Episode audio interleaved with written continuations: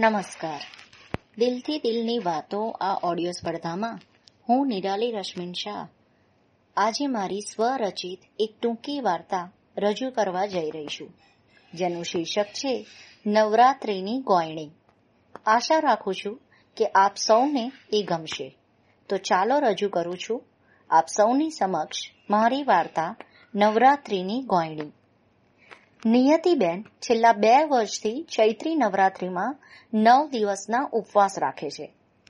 ગયા વર્ષે તો લોકડાઉન ચાલતું હતું. એટલે એ નોમના દિવસે ગોયણી કરી શક્યા નહીં.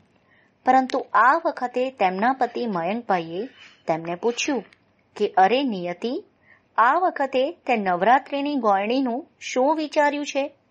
કંઈ વ્યવસ્થા કરી છે કે નહીં? અને નિયતિબેન બોલ્યા કે, હા હા હું પછી વિચારી લઈશ.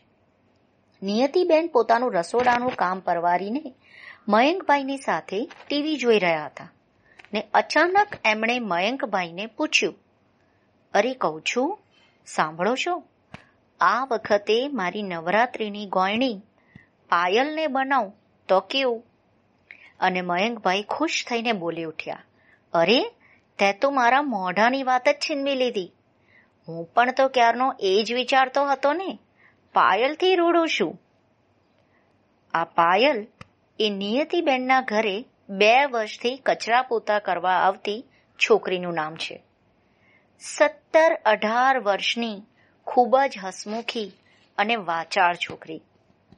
પાયલ એના ઘરમાં સૌથી નાની છે, પણ ઘરની કમાનાર વ્યક્તિ એ એક જ છે.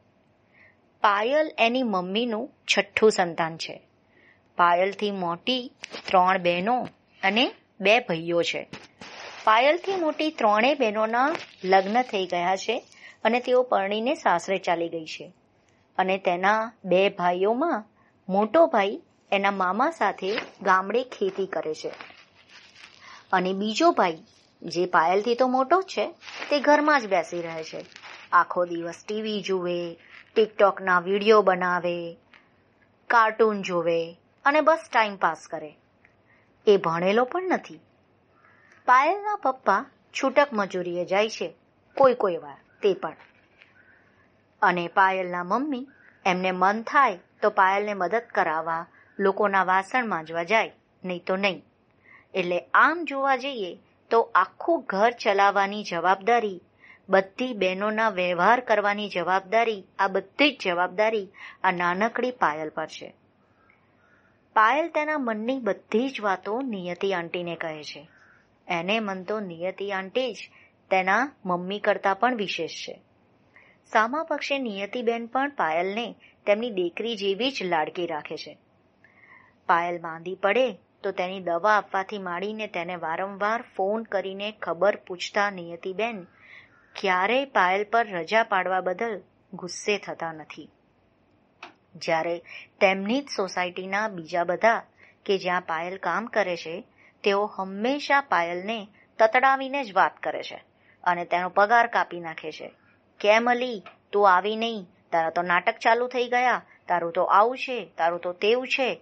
અને પાયલ બિચારી આ બધી જ વાત રડતા રડતા નિયતિ આંટીને કહે છે. પાયલે જ્યારે નિયતિબેનનું કામ બાંધ્યું, તો બીજા બધાએ એની કાન ભંભેરણી કરી કે જોજે હા પાયલ, આ નિયતિ તો બહુ ગુસ્સાવાળી છે અને બહુ અભિમાની છે. તું જરા સરખી કામમાં ભૂલ કરીશ, તો તને તો ખખડાવી જ નાખશે. જોજે તું. પણ જેમ જેમ પાયલ નિયતિબેનને ત્યાં કામ કરવા લાગી, તેમ તેમ તેમની સાથે વાતો કરતા કરતા અને નિયતિ આંટી એને વહાલા લાગવા માંડ્યા. અને નિયતિબેન અને પાયલ બંને વચ્ચે એક અદ્રશ્ય પ્રેમનો સેતુ રચાઈ ગયો. તેને તો આશ્ચર્ય પણ થયું કે બધા લોકો તો કેટલું જુઠ્ઠું બોલતા હતા નિયતિ આંટી માટે. જ્યારે નિયતિ આંટી તો બહુ જ સારા છે. હા, આ નિયતિબેનને જુઠ્ઠા લોકો અને પીઠ પાછળ નિંદા કરે તેવા લોકો બિલકુલ પસંદ નથી.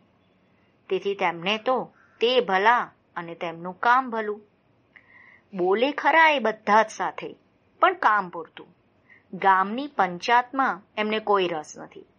હા, કોઈને જરૂર પડે તો એ મદદ કરાવવા જરૂરથી જાય, ચોક્કસ જાય. કોઈના છોકરાને ભણવામાં હેલ્પ કરવાની હોય, કોઈને ડાન્સ શીખવાડવાનો હોય, તે બધામાંય આગળ પડતો ભાગ લે. પણ ગામની પંચાયત કરવામાં કે કોઈની નિંદા કરવામાં એમને જરાય રસ નથી. અને એટલે જ કદાચ બધા એમની નિંદા કરતા હતા. આઠમના દિવસે જ્યારે પાયલ કચરા પોતા કરવા માટે આવી, ત્યારે નિયતિબેને એને પાસે બોલાવી અને કહ્યું કે, જો સાંભળ, કાલે તારે મારી ગોયણી થવાનું છે અને કાલે તું ઘેરથી જમીને ના આવતી. હા કે બેટા, કાલે તારે મારી નવરાત્રિની ગોયણી બનવાનું છે અને કાલે નોમ છે, એટલે કાલે તારે મારે ત્યાં જ જમવાનું છે. હા, કંઈ વાંધો નહીં. તું બધાના કામ પતાવીને આવજે, એટલે કોઈ તને ખખડાવે નહીં. હું તારી રાહ જોઈશ. ઓકે? અને તું શાંતિથી આવજે મારે ત્યાં. પાયલ તો અવાચક જ થઈ ગઈ. એને તો માન્યમાં જ નહોતું આવતું કે એ કોઈની ગોયણી થવા જઈ રહી છે. બીજા દિવસે પાયલ બપોરે બે વાગે પોતાના બધા જ કામ પરવારીને આવી. નિયતિબેને એને પ્રેમપૂર્વક જમાડી અને એના કપાળમાં કંકુનો ચાંદલો કર્યો અને એના હાથમાં બસો એક રૂપિયા મૂક્યા. અને પાયલની તો આંખમાંથી ટપ ટપ ટપ ટપ આંસુ પડવા માંડ્યા. એ માત્ર એટલું જ બોલી શકી. આંટી, આટલા બધા રૂપિયા હોય શુકનના? અને નિયતિબેને એને ભેટીને કહ્યું, એના પડખે હાથ પસવાર્યો અને એને પ્રેમથી કહ્યું કે, કેમ બેટા, તું મારી દીકરી નથી? બસ. પછી તો આ મા દીકરીનું મિલન મયંકભાઈ ખુશખુશાલ થઈને જોઈ રહ્યા.